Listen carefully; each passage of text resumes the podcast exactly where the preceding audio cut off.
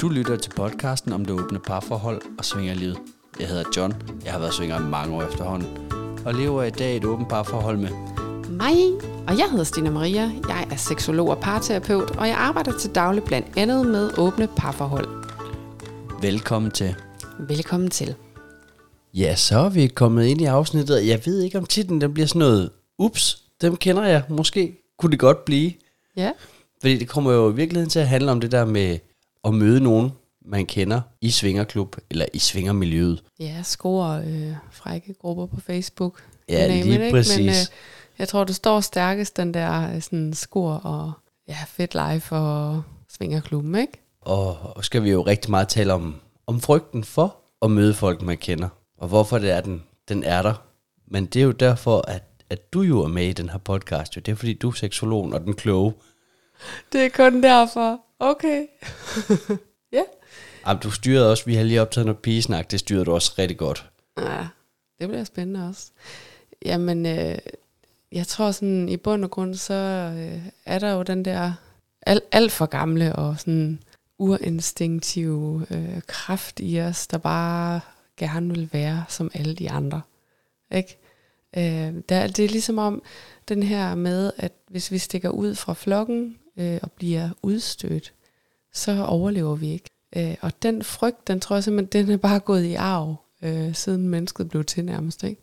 Og, øh, og så tror jeg også, den her øh, skam omkring seksualitet, og det her med at have nogen, have en øh, anderledes lyst, eller have en anderledes seksualitet, den tror jeg også spiller rigtig meget ind i, at man ikke har lyst til at møde nogen, man kender et andet sted fra, når man står i, i den her hemmelige verden på en eller anden måde. Men det synes jeg jo, det er super sjovt, den der tilgang til det, ikke? for det er jo rigtigt sådan instinct-wise, og tænk så, hvis jeg møder nogen, at de skal se, at jeg har en, en anderledes seksualitet end normen, men nu har vi jo mødtes, så vi må jo have lidt den samme seksualitet. Ja, lige præcis. Vi er lige fucked up. Ja, og derfor tror jeg også, at egentlig den her frygt for at møde nogen i en svingerklub for eksempel, nok er, er sådan mere, mere ubegrundet, hvis man kan sige det sådan. Det, det er nok ikke helt så farligt, fordi når du står der og ser din, øh, din nabo i, i svingerklubben, så, øh, så er naboen jo der også. Altså, så er naboen jo også kommet for at lave ballade, ikke? Men hvis du på skor og har ansigt på og navn måske, så ved du ikke, hvem det er, der, der ser dig. Nej, det Så- er rigtigt. Ja, du har ingen kontrol over det. Og der tror jeg mere det her med, der ved man ligesom ikke, hvem er det, der går og snakker så i, i princippet. Hvem, hvem kunne have set mig, og hvem kunne gå og sprede rygter om mig, ikke? Jamen, det er rigtigt nok, fordi hvis der pludselig er nogen, der snakker om dig, at, at du har været i svingerklub, så kan du hurtigt begynde at, at tælle baglands, ikke? Hvor mange mennesker ved det? Ja, lige præcis. Øhm, jeg tror da også, øh, for mig, så har det da også været, øhm, jeg synes jo egentlig ikke, der har været nogen dårlige oplevelser med at møde folk fysisk. Øhm, jeg har egentlig heller ikke haft de store dårlige oplevelser med at blive genkendt fra skor. Men øh, faktisk nogle af de der frække Facebook-grupper øh, har været noget af det, der har givet de, de, hvad kan man sige, de dårligste oplevelser med at blive genkendt øh, for mig. Og det var, det var simpelthen en, der så synes det var sjovt at vise nogle billeder af mig fra de frække grupper til en, som jeg kendte. Og han synes jo så også, det var sjovt at vise dem til nogle andre, som jeg kendte. Så, øhm, så, så der var lige noget, der skulle sættes på plads der. Det fik vi lige en snak om. Så det Øhm. spredte sig som øh, ringe i vandet, ja, eller det hvad? gjorde det. Ja, det gjorde det. I øh, den lille by, jeg boede i. Så, og Alle vil øh, gerne se Stina nøgen. Ja, jeg ved ikke. Jeg tror, det var sådan en øh, delvis fascination, og, og delvis øh, at have noget at snakke om. Ja. Ikke? Altså skete der noget spændende i deres liv. Kunne der ikke også være en snært af misundelse et eller andet sted? Og Jo, det tror jeg da også. Altså. Og, og dermed også den der fascination af, at de egentlig synes, det var, var egentlig meget fedt på en eller anden måde. Ikke? Men altså, i, i en virkelig verden og sådan noget, der synes jeg egentlig ikke, at jeg har haft de store ubehageligheder. Da jeg sådan begyndte at skrive min blog, der var der selvfølgelig også nogen, der reagerede på det. Især ligesom min, min by faktisk. Ikke så meget mit arbejde, synes jeg. Men det tog cirka 14 dage. Ja, så var det overstået. så, så var jeg ligesom, altså, så var det bare sådan, det var, ikke? Så var det sgu ikke sjovt at snakke om, fordi jeg også bare var, jeg tror, åben. Altså, nå, men, jamen, det kan vi godt snakke om, hvis det er, ikke? Altså, jeg ownede det bare, og ja, det er mig, og ja, det gør jeg, så Ja, vi kender jo også nogle mennesker, der, der, har, der har altså haft det der rygte til at løbe byen om, at de gik i svingerklub. Og jeg tror, altså det er jo fordi, den største frygt rammer jo lige en. Ikke så meget, hvad sker der med mig? Al- Det, det er, hvad sker der med mine børn? Og det kunne jeg også høre på dem, at det havde de også, ikke? Altså, Men er altså det vi kunne også- jo bare sige det, det samme, som vi har oplevet, ikke? At om, om 14 dage, så Ja, er de så over ikke, det. Så er det ikke sjovt længere. Nej. Og det er vel også spørgsmål om, hvis man bare owner det, siger, jamen det gør vi. Har du nogle spørgsmål, så kom, i stedet for Øh, altså at gå til, til naboen, så prøv at komme til mig og spørg, så skal jeg fortælle dig det. Ja, for det er lidt det samme, vi, vi lærer vores børn, ikke? Altså, hvis det er sådan, at, at du reagerer, når folk mobber dig, så, så er du sjov at mobbe, ikke? Og man reagerer jo, hvis man bliver usikker. Men hvis man, hvis man owner det, og er du er rødhåret, jamen det er jeg faktisk, ikke? Altså, hvad, hvad, og du har brunt hår, så hvad, altså, hvad, hvad vil du sige med det, ikke? Men har du egentlig øh, haft nogle oplevelser med at møde nogen, du kender? Ja, det har jeg jo. Altså, jeg har jo været vikar i rigtig mange år. Jeg har haft vikarbyrå i mange år. Så jeg er jo kommet på rigtig, rigtig mange arbejdspladser. Så selvfølgelig har jeg jo mødt faktisk rigtig mange mennesker, jeg kender igennem kunderne. Øh, enten dem nede på gulvet, eller dem på mellemledergangen, eller for den tages skyld helt op på toppen af, af fabrikken. Den, episode, der sidder allerbedst fast i mig, var faktisk helt tilbage til dengang, der var Lounge 2 i Aalborg.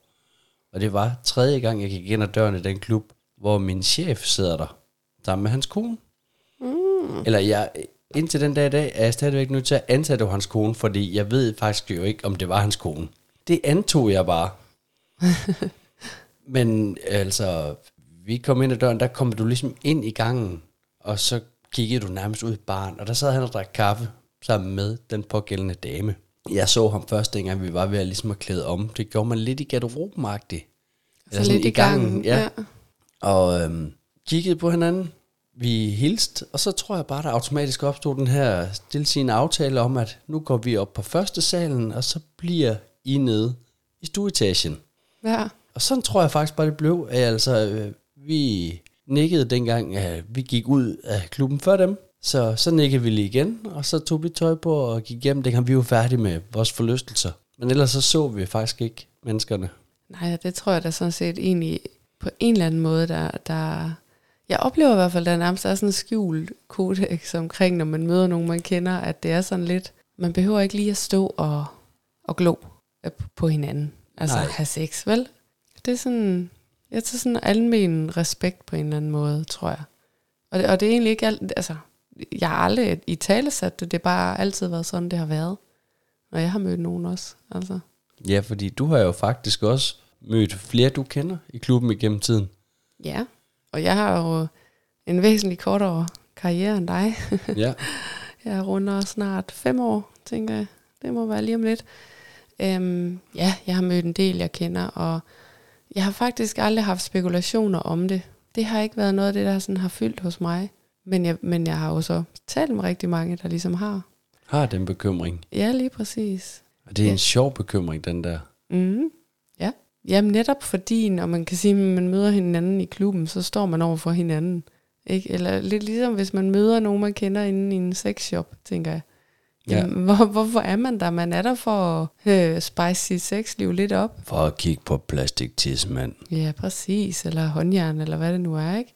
Og så tænker jeg også, prøv at tænk, hvis man kan stå i en sexshop, og så er der nogle steder, det er mere pinligt at stå end andre.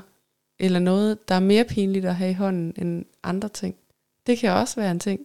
Det er absolut der. Jeg tror, at de fleste mennesker vil tænke, hvis de står over i den der kæmpe afdeling med anal buttplugs i størrelse XXL, så vil de altså blive mere pinligt berørt over det, end hvis at de stod og kiggede i tøjafdelingen.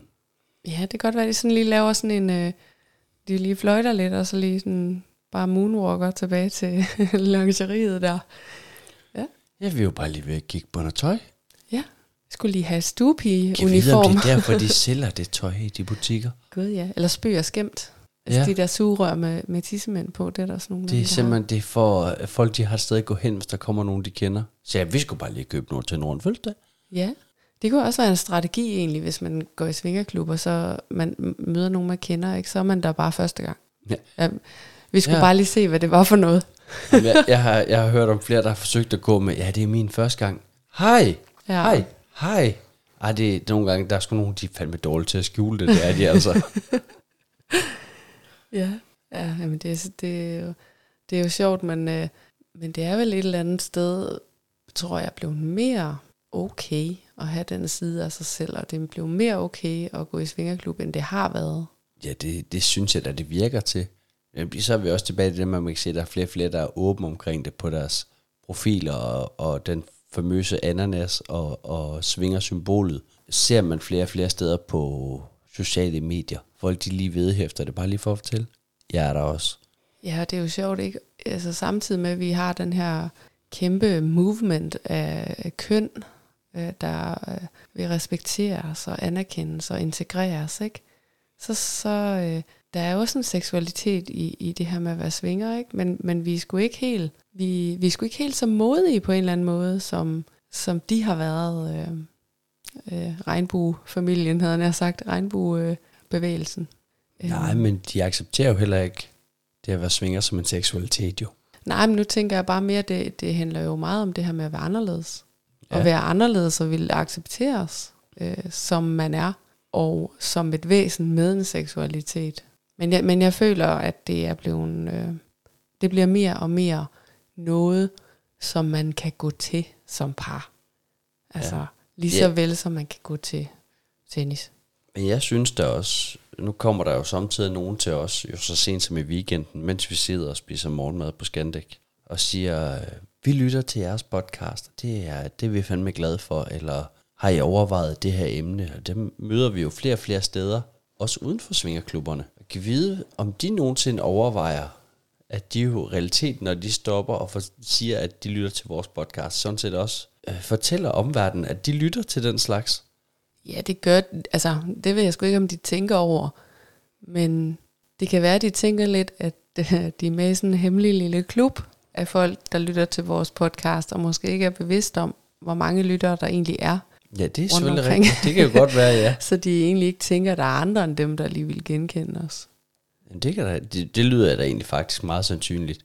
Ja. Men, men tror du, folk vil have svære ved at, at dele vores podcast, om man er svinger eller ej? Vi, vi ved jo faktisk, at vi har en del ikke-svingere, der lytter med.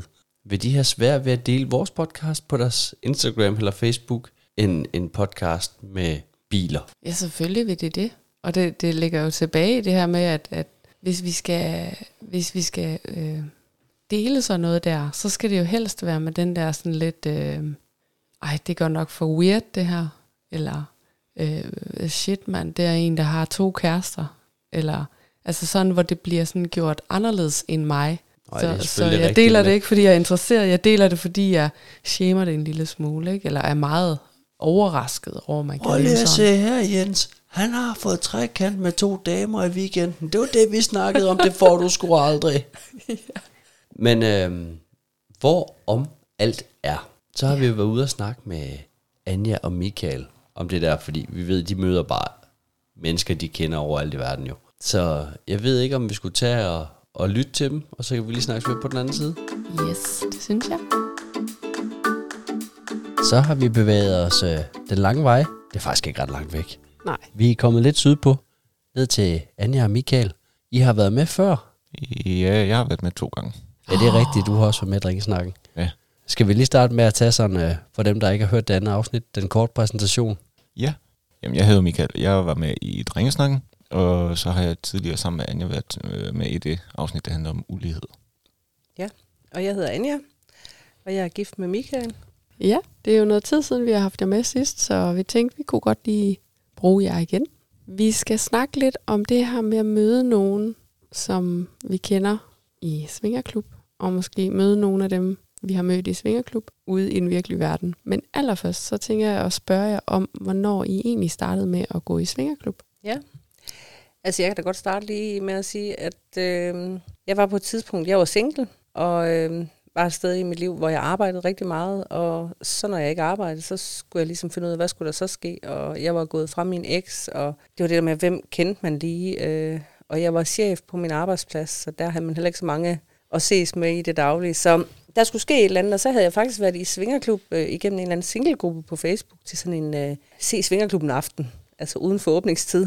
Sådan et arrangement. Nå. Ja, og der En var jeg afsted. Lige præcis. Hvor, øh, og det var faktisk i Tukan, og det var Torben og Mie, der viste rundt. Og der havde jeg faktisk min datter og hendes veninde med, fordi de kunne også godt tænke sig at se det, og, og opbakningen var ikke så stor. Så der var vi oppe og kigge, og det synes jeg var rigtig spændende.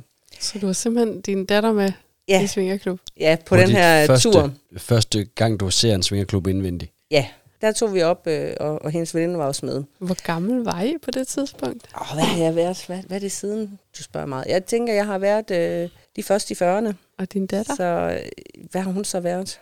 Øh, 24? Ja, ja, det er jo en voksen, der er. Ja, jeg er jo over 50, man kan bare ikke se det. Overhovedet ikke. Men øh, så var jeg på skor, og så øh, skulle Tukan holde sommerfest, og så derinde, der var en, der havde en billet i overskud. Og spurgte, om ikke jeg ville have den. Det var vedkommende kom fra Sjælland, og tænkte, så skulle jeg bare lige tage med, og de var deroppe om dagen ude på campen derude, og det var der bare lige. Så tænkte jeg, det gør jeg sat med. Jeg tager derop, helt alene. Mødtes med alle mulige mennesker, jeg ikke anede med mig. Og øh, kom med til den her sommerfest, og det var bare den fedeste, sjoveste aften, og super fede mennesker. Og jeg var der torsdagen efter, og så er jeg kommet der lige siden, og det er vel, jamen det er vel øh, 10, 10 år siden cirka, tror jeg. Så det var sådan, jeg startede med at komme der. Hvad med dig, Michael? Jamen, øh, jeg tror ikke, historien er helt så ulig fra Agnes. Det var egentlig, øh, jeg var nylig single, og havde en kammerat, jeg boede i Horsens på det tidspunkt, og der havde jeg en god kammerat, som jeg vidste godt, han kom ned i klubben. Og så en aften der, så, så jeg boede stadigvæk hende, eksen der, vi boede stadigvæk sammen, vi var ikke øh, sådan helt flyttet fra hinanden, vi var, vi var helt slut. Og så en aften, så gad jeg bare ikke være hjemme, så ringede jeg til ham og spurgte, hvad, hvad han lavede. Jamen, han var lige ved at gøre klar til, at han skulle ikke i svingeklub. Øh, men jeg kunne da tage med, hvis jeg kedede mig. Jamen, det kan jeg sgu godt. Så gør jeg det. Frisk type. Og så, ja, så landede jeg dernede, og det var jo pisse hammer nervøs og sådan noget der, men, men det var sgu hyggeligt nok. Stille og rolig aften. Du Det havde ikke så- noget profil online øh, på sko og sådan nogle steder? Nej, intet overhovedet på det tidspunkt. Og hvor længe er det siden så? Jeg tror, det må have været i, må det have været i 2009, tror jeg. Så det er en 14 år siden snart. Ja, så det er også, det er også lidt tid siden. Det er noget et stykke tid siden, ja.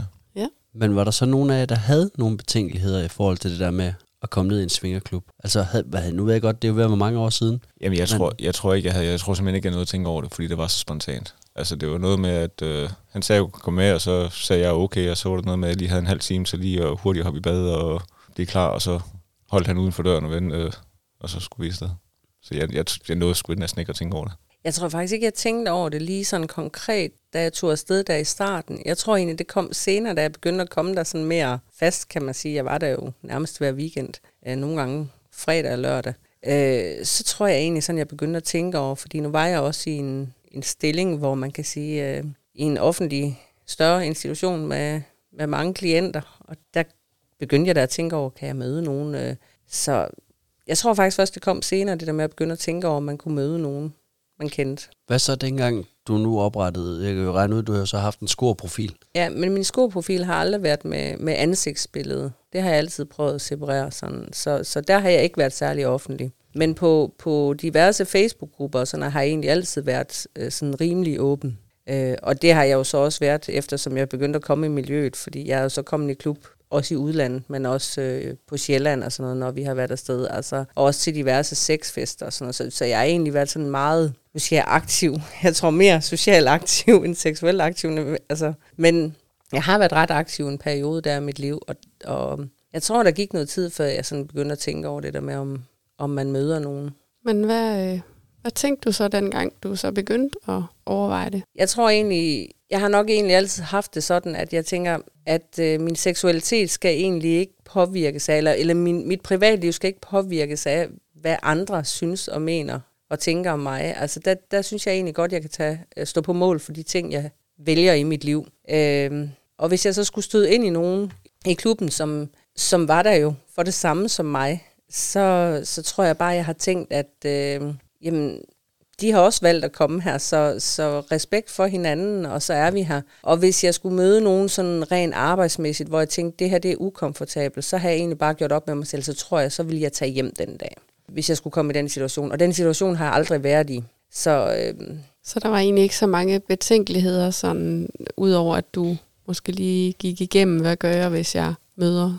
ja, jeg tror, jeg har lavet en strategi og en plan for, Ja. hvad ville jeg gøre, hvis jeg stod i nogle helt konkrete situationer. Men det har aldrig været, øh, det har aldrig været noget, hvor jeg sådan har været nødt til at, at handle på det. Men hvad med dig, Michael? Nu havde du ikke så meget tid til at overveje det lige der første gang, men har der været sådan på et tidspunkt i starten, hvor du begyndte at komme i klubben? Altså, tanken strejfede dig det der med, at hvad nu, hvis jeg møder nogen, jeg kender? Øhm, ja, og jeg tror, det var tredje eller fjerde gang, jeg var afsted. Og det var ganske simpelt, fordi jeg mødte en, jeg kendte. Så gik det op for dig? Ja. Så du, har ikke, du har ikke skænket det en tanke, før du stod i Overhovedet ikke. situationen? Overhovedet ikke. Kæft, var det mandeagtigt. Det, det, ja, men det, det var en, jamen det var en veninde øh, fra Horsens, eller en, en, vi snakkede ikke så meget mere på, sammen på det tidspunkt, hun var ekskæreste til en af mine kammerater, og hun var der så nede med hendes nye kæreste, så jeg tror egentlig, hun var sådan lidt mere akavet over situationen, end jeg egentlig selv var. Øh, fordi det var sådan, jeg sagde bare, nej, hej med dig, og sådan noget der, så hun kiggede sådan lidt, øh, hej, og så derfor hun videre, og så tror jeg, en time senere, så så jeg dem ikke mere resten af aftenen. Så jeg tror simpelthen, de er smuttet igen. Øh, men, men jeg nåede ikke at spekulere ret meget over det. Så du tænker måske, det har været lidt akavet for hende? Altså måske så akavet, at de er, taget afsted? Taget hjem? det, det virkede lidt som ja. Øhm, hun virker ret akavet over situationen, da, vi, da, jeg, da jeg hilste på hende. Men ja, altså, det var, det var op til dem. Altså, det, jeg, jeg tænkte bare, at vi er der for det samme, som, som Anja også siger. Altså. Så, så jeg lagde ikke så meget i det egentlig. Jeg tror, det er egentlig rimelig afslappet.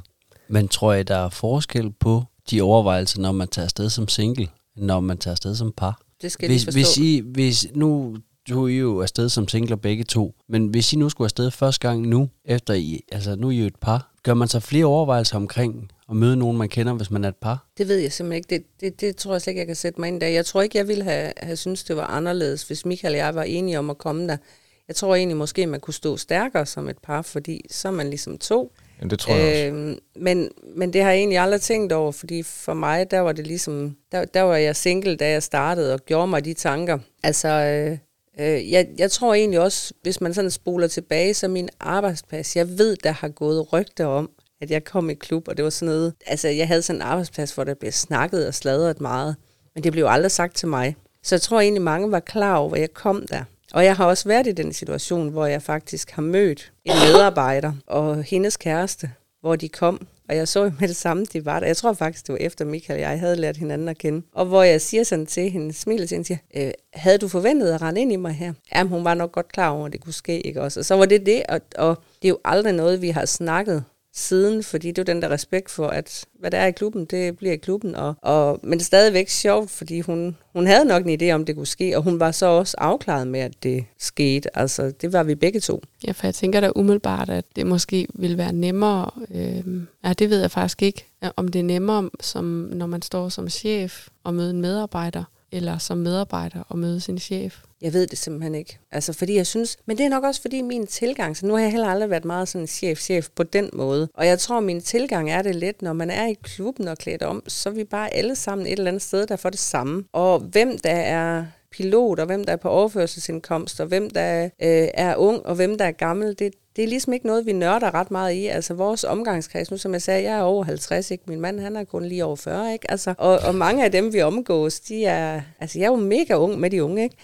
Altså, øh, men, men jeg tror sådan, alder og, og titler og alt muligt andet, det får ligesom et andet liv, når vi kommer i klub. Øh, så jeg tror egentlig, der, nej, jeg har ikke tænkt over det på den måde, altså om, om jeg var chef eller medarbejder. Og jeg synes egentlig, der er sådan en, altså uden for klub, på min arbejdsplads, der vil jeg sige, der har jeg oplevet den her sladder, som jeg ikke selv hørte, men jeg hørte den jo alligevel fra nogen, ikke? Så, og herre Gud, altså det er jo sådan folk er, og det må de, altså der har jeg bare sådan, så længe jeg kan stå inden for de ting, jeg gør, og jeg selv synes, det er okay, så har jeg egentlig været meget afslappet om det. Men nu har vi jo sådan hørt lidt øh, en historie fra jer hver. Har I, har I haft andre oplevelser, hvor I har mødt nogen, I kender? Jeg har haft en enkelt mere, øh, og det er jo sådan egentlig forholdsvis for nylig, det mens vi to var kendt hinanden. Og det var, det var sgu også lidt specielt, men, men det var øh, en person fra mit arbejde, ikke en direkte kollega, øh, men en ansat på samme arbejdsplads. Mm, og vi står, det var også i Tukan, Øh, Anja og jeg, vi står inde i baren og sådan noget der, så lige pludselig kommer han gående forbi, og så, jeg kalder ham Preben, ikke? Så siger, hvad sagde den, Preben, goddag, og sådan noget der, og så kigger han på mig, Nå, hej Michael, hvad så? Og et eller andet der, så lige hils på, og så dappede han videre, ikke? Og så var det det, han var der sammen med hans, hans partner, jeg ved ikke. Og det var sådan lidt, når jamen, så, så nikkede vi lige til hinanden, når vi gik forbi hinanden sådan i løbet af aftenen og sådan noget der, men, men der var ikke noget mystisk i det. Og så kan jeg ikke huske om mandagen, fordi han var egentlig en, som arbejdede ikke direkte sammen med ham, men jeg havde daglige møder sammen med ham i forbindelse med arbejde. Og så der mandagen, tror jeg det var, eller var det tirsdag, så render jeg på ham. Hvor der kun jeg også to et sted på gangen og sådan noget der. Så jeg hvorfor for der. Jeg, jeg, jeg, jeg havde sgu da ikke lige rende, eller regnet med at rende ind dig dernede, siger jeg så. Nej, men det, det, var sgu da, det var sgu da meget hyggeligt og sådan noget. Der havde en god aften og sådan noget der. Så han var også helt cool omkring det, og der var ikke noget der. Og så slutter vi sådan bare lige frem og tilbage fem minutter og sådan noget der. Så var det det, og så har vi egentlig ikke snakket om det siden. Altså, så var det bare sådan en, en hvad skal vi sige, øh, stiltigende enighed om, at jamen, fair nok, vi anerkender, at vi mødte hinanden, og det var fint og sådan noget der, men det ligger uden for arbejde. Nu er vi på arbejde, og så er det der, vi er. Så I har begge to jo mødt nogen, I kender, mm. ud fra den virkelige verden, i klub. Og bare for at slå en tyk streg under, er der nogen, der er døde af det? Nej. Nej. Men jeg vil også sige, altså, jeg tror også for dem, der ikke har prøvet at være i klub, eller dem, dem der er nysgerrige på det, så skal det siges, der er også utrolig meget plads i en klub jo. Altså, der er jo plads til alle. Man behøver jo ikke, fordi man møder nogen, så er det ikke sikkert, at man render ind i dem otte gange på den aften. Nu nævnte jeg, har haft min datter med til det her øh, øh, intro, eller hvad vi skal kalde det op i klubben, eller øh, rundvisning. Men jeg har faktisk haft hende med nogle gange siden, på deciderede klubaftener, hvor at øh, vi er kommet der begge to, taget sted, hun har også været med, hvor Michael har været med. Men hvor vi er taget afsted for at have en hyggelig aften, og det, der kunne ske, øh, for os begge to kunne ske. Men med respekt for, at øh, hvis jeg lige går i den retning og gør et eller andet, så øh, går du lige i en anden retning, ikke? Og, og måske også lidt respekt for, at øh, den der mor datter, den gider vi ikke krydses af på listen. Men, men, men altså, der er mange, der tænker, gud, er det virkelig rigtigt? Ja, men det siger lidt om, hvor meget, øh, hvor meget plads der er. Altså, man kan godt tage afsted og have den oplevelse, uden at vi behøver at hvad kan man sige, være tilskuere til hinandens. Ja, det kommer så nok også lidt an på, hvad for en klub man Jeg skulle også sige, i. altså, hvis man nu går ud fra Tukan, som jo har rigtig, Ja. rigtig mange kvadratmeter, ja, der kan du godt Ja. gå ind, møde nogen, tænke, dem skal jeg da snakke med senere, og så ser du dem ikke mere. Ej, præcis. Fordi man simpelthen bare ikke krydser hinandens vej, men det er jo langt fra alle klubber i Danmark, der har Det er den rigtigt. størrelse. Men det er så lige Tukan, at Ja. vi har været afsted sammen. Altså. Men Og I hørte rigtigt. Det er hende, der tager datteren med i Svingerklub. Ej, det er så ved at være lidt tid siden. Men ja, det er sket. Men er det så jeres oplevelse sådan, at det er generelt, at der er sådan et eller andet kodex om, når man så møder nogen, man kender, at man måske øh, man lige ser, om har de lyst til at hilse, og så lader man ligesom, altså man følger ikke bare sådan efter på en eller anden måde. Man går lidt i hver sin retning, eller? Altså, jeg vil sige, det, det jeg har gjort de par gange, det er, jeg har selvfølgelig hilst. Altså, det, det, sådan er jeg opdraget, hvis man møder nogen, møder nogen, man kender, så hilser man. Øh, og det har jeg gjort, og så har jeg bare været af. Altså, veninden der, hun var bestemt ikke interesseret i at lige at småsludre der. Det var ham, øh, øh, jeg mødte fra arbejde. Han vi kunne godt lige sludre i to minutter, ikke? Øhm, men derfra, så, så har jeg ikke behov for at skulle gå og altså, sætte mig ned ved et bord og sidde og sludre med dem, og hvad så er det her på arbejde? Hvad synes du om det? her? Altså, nej, vi, det, det, vi har fri, nu er det vores frirum, så kan vi sgu altid snakkes ved på mandag, hvis det er Nu tænker jeg måske også det her med det seksuelle, der sker rundt omkring. Ikke? Altså hvis nu du så er ude og gå en tur, og du så øh, står og kigger lidt og finder ud af, hov, det er da vist øh, min kollega, der er, er på den madras, jeg står og kigger på. Jeg tror jeg nok bare gået og fortsat med at gå. Og er det sådan, er det sådan lidt sådan, man, altså er det sådan en eller anden usagt respekt, man, man har, eller hvad tænker I? Altså nu, jeg har, jeg har også mødt en jeg, kvinde, jeg havde mødt til et bryllup på et tidspunkt, hvor hun kom med en, en fyr, og altså dem, jeg har mødt, der har det været helt naturligt, vi har hilst på hinanden og sådan noget. Jeg har ikke set dem øh, i aktion nogle steder i klubben, dem jeg sådan har mødt, men jeg har ikke selv tænkt over, om de har set mig. Det har jeg været fuldstændig ligeglad med. Der tager jeg tingene, som det kommer på aftenen, og så, så det ved jeg faktisk ikke, om de har. Og det er jeg sgu egentlig også ligeglad med, fordi så havde, jeg, så havde jeg taget højde for det, hvis det var, at jeg havde synes det var en Så er du udfordring. taget hjem eller et eller andet? Ja, eller gået i et lukket rum, eller Ja. ja. hvad man nu kan forestille sig. Men der har jeg ikke sådan uh, taget hensyn til det. Jamen, det er Ja. rigtigt, fordi den, den havde jeg egentlig ikke tænkt på. Hvis jeg nu ser noget, så vil jeg, ved jeg, hvordan jeg selv vil reagere, men altså, jeg tror også, jeg vil være rimelig ligeglad med, hvis... Altså, hvis, hvis jeg har taget stilling til, at jeg vil gerne have åben dør, jamen, så er det det der, så er det sgu egentlig ligegyldigt, hvem der kigger. Det, Mm. det kommer ingenting. Så det ville være lige Men- meget, om det var din kollega, der stod og kiggede. Principielt set, ja, det kan da godt ske, at som, som Anja siger, at jeg vil vælge, så når jeg lige den aften, så lukker man døren, og så er det det. Altså i min situation, der tror jeg også, det handler lidt om, at dem, jeg har mødt, der er det dem, der har været newbies. Og der har jeg nok bare været lidt mere ovenpå, ikke? For jeg var vant til at komme der altså, så tror jeg bare, man har lidt nemmere ved det, når man er vant til, og man kender flere, og man har sin, på det tidspunkt havde jeg sådan min daglige gang der, ikke? Og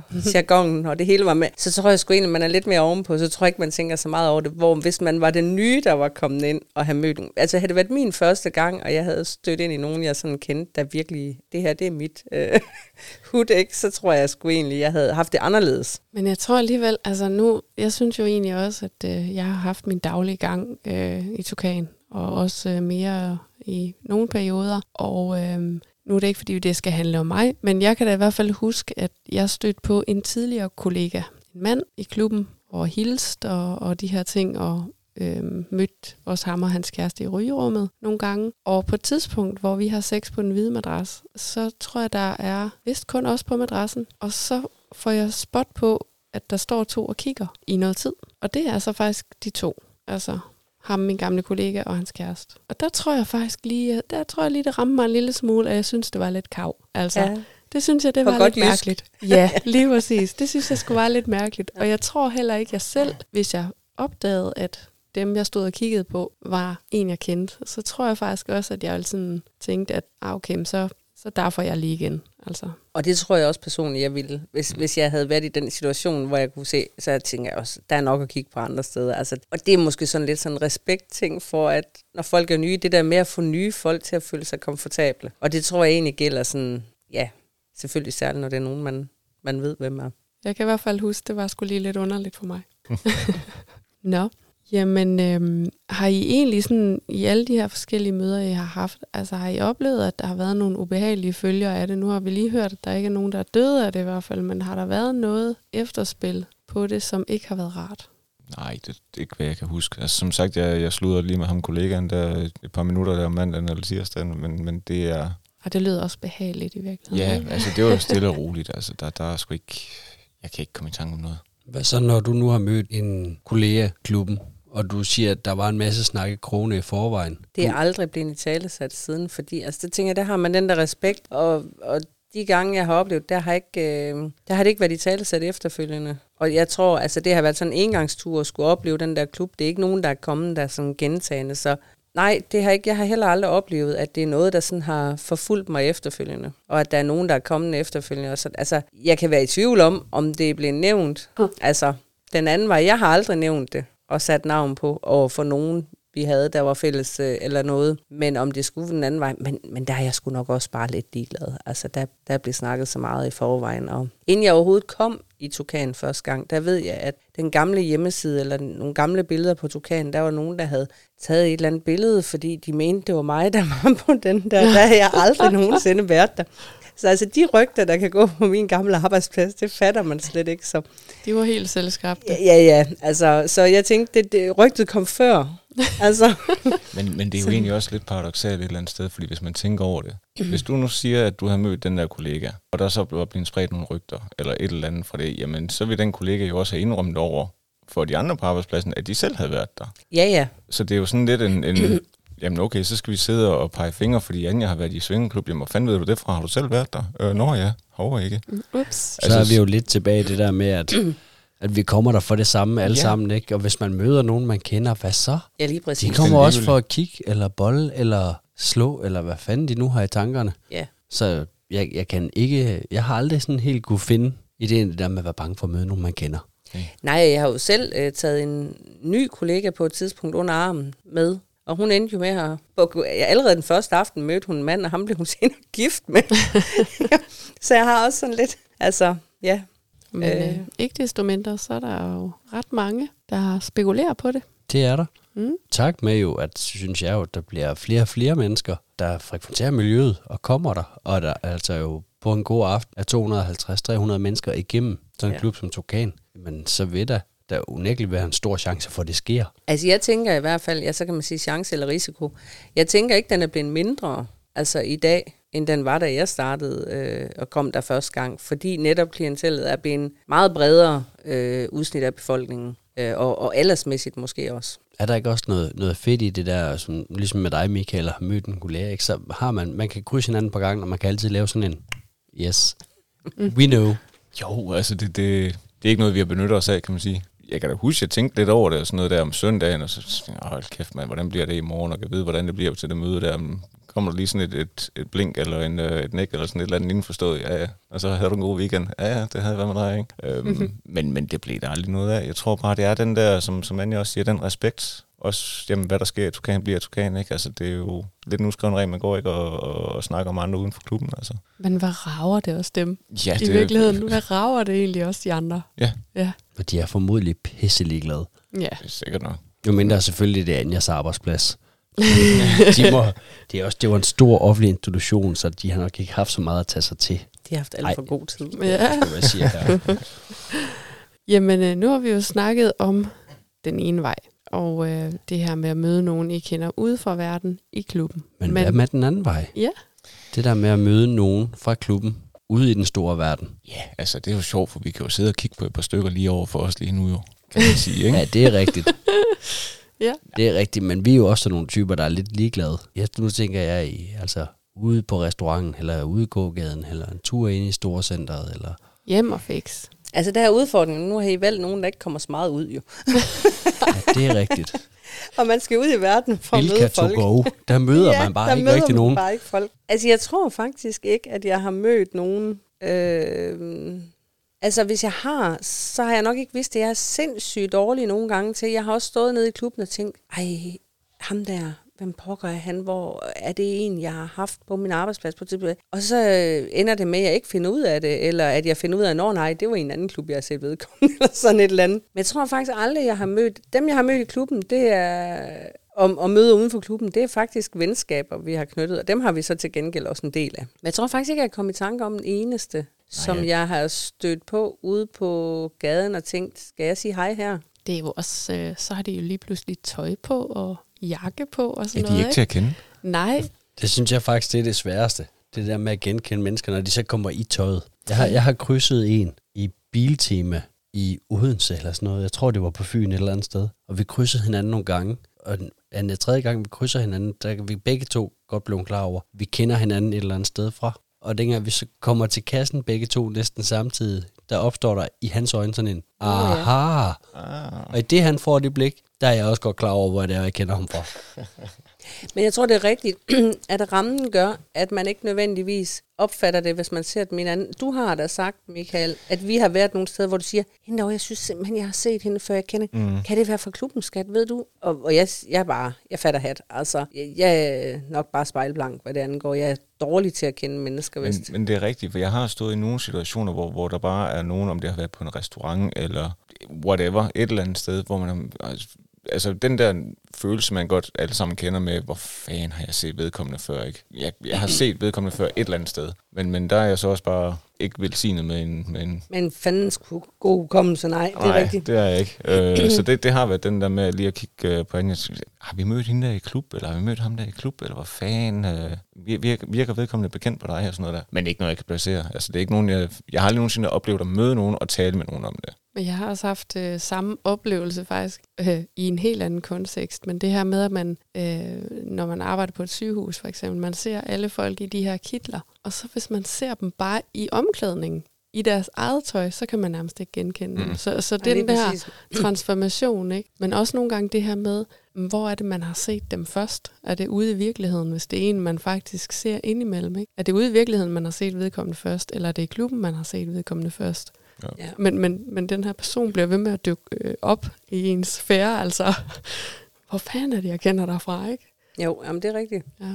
Men øh, ej, jeg tror faktisk, dem, altså dem, dem jeg har, det er nogen, jeg har set sådan gentagende i klub. Altså, øh, og ja, så er der nogen, så har vi set dem i andre sammenhæng, enten mere privat, eller også til andre fester eller arrangementer, hvor vi så stødt på dem igen.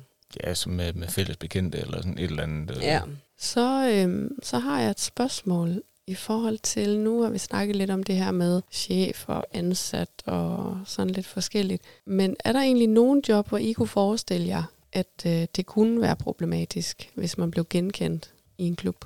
Altså, jeg tror, mit kort svar vil umiddelbart være nej, fordi hvad er det for et job, man skal have, hvor man ikke må have lov at have et privatliv? Om man så er Jehovas vidne, eller man går i svingerklub, eller man dyrker motorsport, eller bager spældbrød og har kølingbørn. Altså, vi kan alle sammen have en holdning til, hvordan vi lever vores liv, Men skal det have betydning for, hvordan vi kan passe et arbejde? Det synes jeg jo ikke, det skal. Så jeg har nok den holdning, at øh, nej, men jeg kan da godt se, jeg kan da godt forstå dem, der står og tænker, hvis jeg skal tage mod øh, lille Johan nede i øh, børnehaven på mandag, og hans forældre, de står der og tænker, det er da det svin, der lå og... Men så har de jo selv været der. Og så tænker jeg bare, så tænker man ikke, hvad var det for et svin, der lå nede på den hvide madras. Så et eller andet sted, så kan jeg ikke helt forstå det, fordi man så har et fælles, hvad kan man sige, øh, en- fælles forståelse af det at gå i svingerklub, hvis man selv har været der. Man har jo i hvert fald været nysgerrig. Det kan godt være, at man ikke ønsker at komme der igen, men man har jo været nysgerrig på det. Så jeg forstår det ikke helt. Men er frygten ikke også, altså det kan godt være, det, det er måske bare lidt min opfattelse. Lad os så sige, at man er lige slotter, og man er pædagog. Frygten er jo ikke, at forældrene, der står og henter deres lille barn,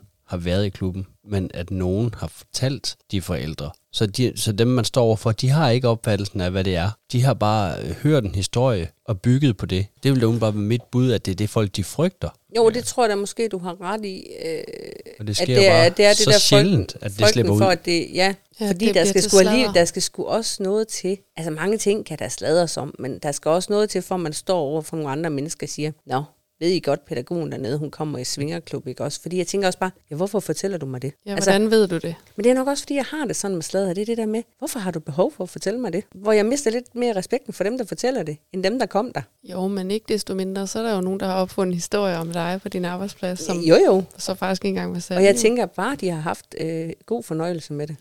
det har de sikkert. Fordi, altså jeg tænker måske, at historien de kan være endnu bedre end virkeligheden. Nej, det håber jeg ikke. Men har du nogle bud på nogle, ar- altså nogle jobtitler?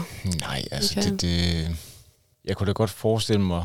Jeg kan ikke forestille mig noget job, jeg selv vil være i, hvor jeg vil se det som et problem umiddelbart. Men jeg Nu kan er det da- også begrænset, hvad job du kan klare jo. Det er en anden historie. Øh, nej, men jeg, jeg, jeg tror godt, jeg vil kunne sætte mig ind i tankegangen for, hvorfor man, der var nogen, der kunne se det som et problem. Hvis man sad i en eller anden øh, autoritær rolle, eller hvis man var politibetjent, eller hvis man sad som øh, det ved jeg ikke, højstretsdommer, eller hvad fanden ved jeg, et eller andet øh, i den stil, hvor, hvor du skal have en autoritet udad til, om den kunne på en eller anden måde blive brudt lidt ved, at der var nogen, der mødte dig i en, i en svingeklub eller et eller andet. Men, men det er bare sådan en, en, jeg tror, det er et forsøg på at sætte mig ind i den tankegang og, og, og egentlig lede efter nogle steder, hvor det kunne være et problem. For jeg tror reelt set ikke, at det vil være det. Nej, for jeg tror, det handler jo rigtig meget om, hvad vi tror, at andre folk vil synes og tænke, end det handler om reelt det at møde nogen. Og nu siger du det der med, med højeste retsdommer eller et eller andet, men er det ikke også rigtig tit sådan nogle højprominente folk, der skal udstilles i pressen og et eller andet, og nogle gange så siger vi også bare, jamen, og. Altså, fordi Jo, jo. de har jo også et liv. Og en Jo, politiker kunne jo også være en nu. Altså, Ja, ja. Men nu kunne vi jo se her, øh, var det Lars Finsen, der var udstillet med hans øh, hang til BDSM, tror Ja. jeg, i pressen. Det er øh, I forbindelse med Ja, er hans jeg. retssag og, så- og hans sag her, ikke? Øh, ja, hvor at, øh, det er faktisk også sådan, at der kom faktisk rigtig mange mod, øh, hvad kan man sige, forsvarstaler for ham, om hvad fanden pressen ja hvad, hvad har det med sagen at gøre? Ja, og, og jeg, tror, jeg tror faktisk også, at det var øh, lagt ud som, at det skulle være en eller anden skærpende omstændighed i sagen omkring hans troværdighed eller et eller andet. Jeg ved det ikke. Okay. Det var i hvert fald, øh, det var blevet opsnappet, og det var blevet udstillet. Men de havde jo taget det i noget overvågningsværk, ikke? Måske. Jeg ved det. Så det vil sige, hvis man er, hvis man, hvis man er svinger, eller hvis man er til BDSM eller andet, så er man simpelthen mindre troværdig. Der har i hvert fald, nu vil jeg så sige, der har i hvert fald været en tendens til, at øh, nu er det jo ikke så længe siden i virkeligheden, at de her lidt øh, kinky seksualiteter har været en, øh, altså faktisk en, nærmest en psykisk En sygdom. diagnose, ja, det var de det har jo haft faktisk. diagnosekode, ja. Øh, hvor vi faktisk også er ret godt fremme i Danmark. Men jeg tror sgu også, det har haltet lidt efter, altså det har haft et efterslæb i, la- i mange år. Mm. og også været noget af det, man har måske brugt i retssager for at stille spørgsmålstegn ved ens troværdighed, eller øh, hvad man var for en type. Ikke? Altså om man var til BDSM, så var man måske en voldelig type. Ja, vi Ja. har da selv siddet i en retssal, hvor fuldstændig ligegyldigt for lige præcis den sag, men så blev den del af hans seksualitet jo lagt utrolig meget vægt på af anklageren. Konstant og igen og igen, og man kunne jo se i øjnene på dommer og domsmænd, at hver gang der blev talt om, at han var sådan en SM-type, man kunne se i øjnene på dem, uh, ja, det er ikke godt da. Jeg tror, at i forhold til BDSM-delen, der, der tror jeg, I kan have ret. Men jeg tror, hvis vi kommer over i den mere, altså hvis vi tager svingerklub sådan, som ud fra et, et mere mainstream seksuelt perspektiv, så tror jeg faktisk, der vil blive set rigtig skævt på, hvis en seksualitet skulle ind. Fordi i disse tider, hvor vi prøver at fagne bredt, så tror jeg faktisk, at der vil blive set rigtig skævt til, hvis man begynder at skal lade folks seksualitet definere, om de kan bestride et job. Og jeg tænker også, det vil være rigtig uheldigt, hvis det var tilfældet, fordi vi ser jo heldigvis flere og flere homoseksuelle også på den politiske scene og sådan nogle ting. Ikke? Og hvis vi bare spoler lidt tilbage, så var det heller ikke noget, vi så i, den, altså, i det regi, som vi gør i dag. Nej, men det vidner, man kan jo sige, det vidner det jo også om, når, når folk stiller sig op og forsvarer, og, og pressen ligesom går ind og også og forsvarer øh, Lars Finsen i den der sag, ikke? Ja. Øh, hvor det Mm. blev fremlagt. Men det er jo sjovt, fordi du siger faktisk også politimand, øh, eller politibetjent, Michael. Øh, og der er faktisk en politibetjent, der har skrevet til os. Ja, okay. Øh, ja, fordi den her betjent kunne faktisk godt tænke sig at besøge en svingerklub, men er lidt usikker på, om det er en god idé, eftersom at den svingerklub, vedkommende gerne vil besøge, ligger i lige præcis det distrikt, som Ligger i hans egen politikreds. det er så det, det hedder politikreds. Ja. Jeg har set meget øh, politijagt. Nå Ja. ja. Og jeg vil så faktisk sige, at jeg er faktisk i tvivl om, jeg ved ikke, om det er en mand eller en kvinde, så det er derfor, jeg har holdt mig til at kalde det betjenten. Høn. Høn, ja. Okay. Men, men det tænk, hvad tænker I egentlig om det? Altså nu kan jeg jo referere til mit eget job, der læner sig temmelig, eller tidligere job, der læner sig rigtig meget op af politiværvet. Øh, og jeg vil sige, kom afsted. Sandsynligheden for, at man møder nogen, og igen, hvis man gør, ved du hvad, så kan man takke af for den aften og tage hjem, hvis det er for ubehageligt. Eller, altså, øh, og igen, jeg er kommet der så meget, jeg har faktisk ikke løbet ind i det problem, og jeg tænker, øh, man kan få 100 gode oplevelser, og så kan det være, at der er en dag, hvor man bliver nødt til at gå ned og sige, okay, jeg glæder tidligt om at tage hjem, og så er det det. Men kan I se dilemmaet i det her med, at når man så går ud af døren og tager sin uniform på, så skal man måske støde ind i nogen af dem, man har mødt i klubben, og så pludselig være en autoritet over for dem. Jo, men der tænker jeg sgu også, at, at med den uddannelse, betjenten har, så, så er de også, altså, det er jo det samme, hvis, øh, hvis en betjent tager en øh, familiemedlem i en fartmåling, eller hvad fanden ved jeg, et eller andet øh, trafikstop, et eller andet, der går hen og banker på ruden, så er det skulle lige Fætter Claus, der sidder der, ikke? Og d- den skal de også kunne håndtere. Ja, de skal kunne håndtere, altså parkeringsvagten, der går hen og sætter en bøde i øh, faren ned for børnehaven, øh, en eller anden dernede, øh, ja, der er far til en af de andre børn, eller pædagogen, eller... Altså jeg tænker, det uanset hvor man kommer, så vil man kunne støde ind i mennesker i en anden kontekst. Og det skal man jo kunne forholde sig til. Om det er svingerklubben, eller man begynder at, at skal give en bøde til, til pædagogen, fordi de har kørt for stærkt, der kan man ikke stå og sige, ah, du slipper så for den der bøde, fordi så håber jeg også, du behandler mit barn ekstra godt dernede, og giver en ekstra Nutella-mad. Eller, sådan fungerer verden jo ikke. Så et eller andet sted, så tænker jeg, der må vi forvente, vi voksne mennesker, der har respekt for hinanden og respekt for hinandens erhverv, og så er det sådan der. Og lige nøjagtigt politiets, hvad kan man sige, klientel, dem kan man sige meget om, men de har også rigtig meget kodex og respekt, og det skal man altså ikke underkende. Øh, så jeg tænker, at betjenten skal bare komme afsted. Altså min allerførste tanke, dengang Stina hun læste det der brev op, det var faktisk, at hvad fanden tror han, at der er fulde kriminelle derinde? øh, det var sådan lige min første tanke. Er han bange for, at han løber ind i han, skal vi kalde dem kunder derinde? Fordi jeg tror faktisk ikke, der er mange kriminelle der imellem. Det tror jeg faktisk heller ikke, men jeg vil så også sige, hvis der er, så er det jo også en del af befolkningen. Ligesom vi har alle mulige forskellige erhverv, så er der også nogen, der måske har trådt over stregen en gang, og så er de måske også videre. Og herregud, hvad så? Altså, Jamen, og det, et eller andet sted er det jo netop det, der er fedt ved klubben, det er, at det er, kan være alle typer, der kommer, som du siger, lige fra direktøren til, til kontanthjælpsmodtageren. Altså, når tøjet ryger af, så kan du ikke se, om han går i jakkesæt normalt, eller går i uniform normalt, eller går i... Øh, Ja, Nej, eller men har en tidligere dom. nej, eller har han Nej, tidligere dom, og igen, whatever. det der med den tidligere dom, det kan vi jo heller ikke se, når vi sidder nede øh, til, til, øh, i forældresammenhæng sammenhæng med børnene eller et eller andet. Der kan jo også være nogen, der kan selvfølgelig lige være nogle enkelte typer, vi kender fra medierne, men udover det, så tænker jeg, hvorfor skal vi gå og sætte markader på hinanden, fordi nogen er noget? Hvorfor skal vi ikke bare møde mennesker, som de er? Og møder man så nogen, man kender, jamen så forholder vi os til den konkrete situation, og hvis det giver en form for ubehag, jamen så tag hjem den dag. Ja, for Lad være med at begrænse. Ja, for man kan vel også sige, at det er jo vel lige så vel øh, betjentens fristed, som det er den dømtes fristed, Mhm. eller Ja, og alle andres 100%. fristed. parkeringsvagtens fristed, og Ja. direktørens. Ah. eller... Ah, der, der er jeg nødt til at lige... Parkeringsvagter, dem vil sgu helst ikke have dernede. dem vil vi helst ikke have nogen steder. Men Michael nævnte kort tidligere, altså når I spørger, om der er noget erhverv, så må sige, der er selvfølgelig ganske få, fordi hvis vi siger politikeren, der kan jeg godt se, man kan have et problem, når man er så offentligt et ansigt udad til. Og jeg vil da også lige sige, hvis vi tager kongehuset, jeg tænker heller ikke lige, det er dem, der har et erhverv, hvor det vil være så super passende. Men alligevel så hører vi jo også om deres historier, I ser og hører og sådan noget, når de har et eller andet. Og igen, lad dem da have deres liv. Altså, de skal, alle skal jo have lov at have en eller anden form for privat liv, de kan få lov at, Ja, at udleve. Jeg kommer faktisk også lige i tanke om, øh, jeg lyttede til Svinger-podcasten, hvor øh, Simon Jul var med. Ja, men jeg sad nemlig lige præcis og Du tænkte på sad det. lige med den på læben. Ja, og, øh, og han fortæller, at øh, han har jo egentlig altid været åben omkring, hvad han rent har lavet, og det var helt fint. Men i og med, at han ligesom var et kendt ansigt, så begyndte det faktisk at blive problematisk, øhm, fordi der var noget sladder. Ikke fordi han var ligeglad, men de mennesker, han så ligesom sås med, for eksempel i klubregi, begyndte jo så ligesom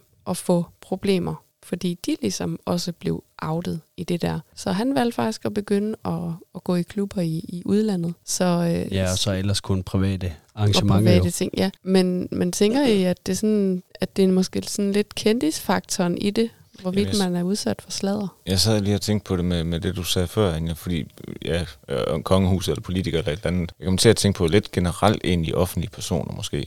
Om det så er skuespillere eller kunstnere eller sanger eller hvad fanden ved jeg. Der, der, der kunne det måske give en eller anden... Jamen det er fordi, der, der vil jo også altid være nogle mennesker, der gerne vil sælge en god historie, ikke? Ja, lige præcis. Og, og det er jo det, man ser nogle gange, det er, at der er nogen, der, der er klar til, til hvad som helst for en skilling for et eller andet. Og det kan selvfølgelig være et problem, fordi så kan det være den der øh, tavshedspligt, og det vi værner om, når vi kommer derude i fristedet. Det kan være, det går fløjten, hvis der er nogle enkelte, der så synes, at øh, historien den skal der videre. Så jo, det kan, det kan sagtens være et problem. Altså sådan en som mig, folk er sgu da skide ligeglade med, hvad jeg går og laver. Altså der er der ikke... Man kan da ikke være mere nobody, altså. Ja. Jeg siger, hvis folk vil gå op i det, så skal de da bare have lov. Det betyder da bare, at de virkelig må kede sig derhjemme. Så det er lidt det der med, hvis man er et, vel, altså et velkendt offentligt ansigt, så man nem at genkende i de der steder, så er det måske, at man er mere udsat for, at der, så skal der i hvert fald bare kun være ét rådent æble derinde. Ja. Jeg vil sige, der kender alle jo også Altså en. man kan sige, at Madison han sagde det meget fint i en joke engang, ikke? Altså det der med at, at gå i svingerklub og, og knalde et øh, øh, ældre ægtepar, ikke? Altså det er sådan set måske sådan lidt øv. Men hvis det er Kjell og Hilda, så er det satan med en god historie, ikke? Ja. og, og jeg tænker egentlig lidt, det er den, ikke? Det kan lige pludselig blive en rigtig god historie. Nå, Alt men det går da også lige op for mig, det der med, at, at, hvis vi snakker om, vi starter jo egentlig med at snakke om det her hvis vi møder en ud af de måske 250, der er i Tukan, at så har vi nogle overvejelser om det. Prøv lige at overveje at komme ind og vide, at måske i hvert fald 80 procent af dem, der er der, de kan Ved, genkende er. dig. De Ja, ved allerede, hvem du er. ja, der må måske være noget der. Ja. Jeg ved, der på, i hvert fald på Sjælland for en del år tilbage blev arrangeret øh, deciderede fester for folk, der havde lidt kendisfaktor, og ellers kun lidt eksklusive mennesker, der deltog. Ja. Okay. Og jeg aner ikke, om de stadigvæk bliver afholdt, men der var der i hvert fald både et par politikere imellem gæsterne og et... Øh, Har vi ikke også set det lidt i kloven? Jo. Det ved jeg ikke. Er det den, jeg har set eller sovet til, eller...